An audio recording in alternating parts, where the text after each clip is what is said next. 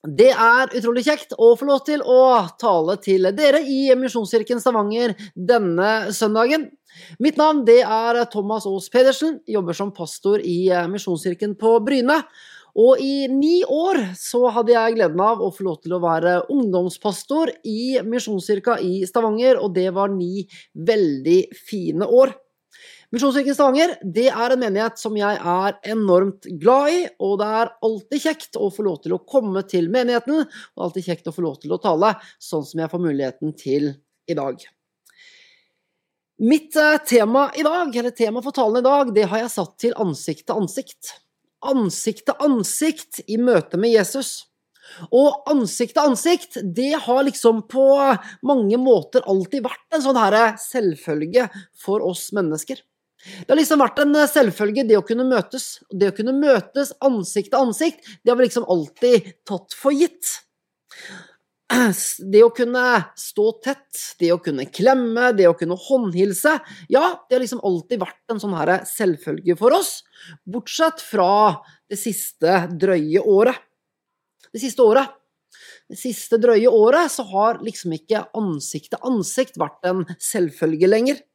Vi må holde avstand, minst en meter. Kanskje er det sånn at vi har innarbeida noen eh, vaner, eller uvaner, holdt jeg på å si, til å kunne gå noen omveier når vi møter mennesker som vi ikke kjenner. Håndhilse, det har vi liksom slutta med. Klemmer til mennesker utenfor vår egen husstand, det er det slutt på. Og tenk om vi for uh, halvannet år siden hadde sagt det at vi skulle hilse på hverandre ved å liksom ta albue mot albue eller fot mot fot. Nærheten. Nærheten og den nærheten som vi gjerne mange ganger tidligere har tatt som en selvfølge, mye av den nærheten har blitt borte det siste året. Det har, blitt, det har blitt sagt på fleip at vi håper det at denne énmetersregelen snart forsvinner, så vi nordmenn kan gå tilbake til vår trygge, så vi nordmenn kan gå tilbake til vår trygge to meter. Og så kan vi gjerne trekke litt på smilebåndet og så kan vi le litt av akkurat det, men eh, sannheten er i hvert fall det at det siste året det siste året så har vi måttet holde avstand. Mye av nærheten har blitt borte. Og så ser vi også det at det er mange mennesker mange mennesker har vært ensomme, og mange mennesker har vært alene.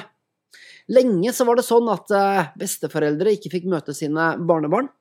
Eldre på sykehjem ble nesten isolert, barna fikk ikke leke med sine klassekamerater, det har vært begrensning i forhold til idrett og aktivitet osv. Mange mennesker har sittet i karantene, mange har vært i isolasjon. Og ord som ventekarantene, karantenehotell, kohort, det har liksom plutselig blitt en del av vår dagligtale. Og det var ord som vi ikke kjente til tidligere. I hvert fall nærhet. Nærheten den er ikke en selvfølge lenger. Ensomheten har dessverre møtt mange mennesker. Nærhet.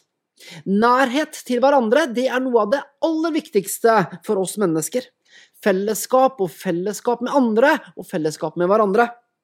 Vi mennesker vi er skapt nettopp det, vi er skapt til fellesskap.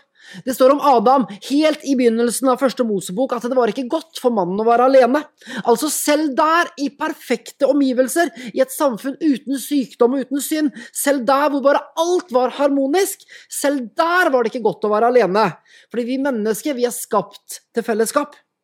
Når barn blir født, det første som skjer når barnet kommer ut av mamma sin mage, det første som skjer, det er det at barnet blir lagt på mamma sitt bryst. Hvorfor? Jo, for å kjenne på varme, for å kjenne på trygghet, for å kjenne på nærhet, fellesskap. Kjenne mammas pust, kjenne mammas hjerteslag. I en totalt ukjent verden, i et enormt sterkt lys, i et møte med en helt ny og helt sikkert skremmende atmosfære, i, et, et, i det totalt ukjente og skremmende, der finner barnet ro. Og hva er det barnet møter? Jo, barnet møter et ansikt. Et blikk. Et kjærlig blikk. Barnet møter måte Barnet og mamma møtes. Ansikt til ansikt. I Johannes kapittel 8 så er Jesus ute på tempelplassen. Jesus han har samla en folkemengde, sånn som Jesus ofte gjør. Det er midt på dagen, sola den steiker, og Jesus han er i gang med å undervise. Tilhørerne de lytter oppmerksomt, fordi Jesus sin undervisning den har myndighet. Og den ellers så travle tempelplassen, når Jesus underviser, så er det ro. Kanskje som et hellig øyeblikk. Jesus han er gjerne midt i en undervisningsrekke når høye stemmer og ropende menn forstyrrer. En gruppe bestående av både eldre og unge fariseere krasjer ned midt i Jesus sin undervisning, og foran seg så dytter de en halvnaken kvinne. Kvinnen hun er nesten ikke tildekt. Hun er full av støv etter nærmest å ha blitt dratt bortover støvete gater. Tårene triller, ansiktet, blikket hennes forteller om skam. Stor skam. En av de unge fariseerne, han roper, Mester, denne kvinne er grepet på fersk gjerning i ekteskapsbrudd. I loven har Moses påbudt oss å steine slike kvinner. Men hva sier du? Altså, ikke bare er hun avslørt som utro, men hun er grepet på fersk gjerning i selve akten. Altså, de sparte ikke på kruttet, de skriftlærde og fariseerne, når de ville finne en å anklage. Kvinnen, hva med henne? Vi vet ikke så mye om henne, annet enn at hun er grepet. Hva var det hun søkte? Jo, hun søkte nærhet. Kanskje søkte hun trygghet, og kanskje trodde hun at veien til trygghet det var et intimt forhold, hvor hun ga det mest verdifulle hun hadde. Kanskje håpte hun, og kanskje lengta hun etter å finne et ansikt, et varmt ansikt.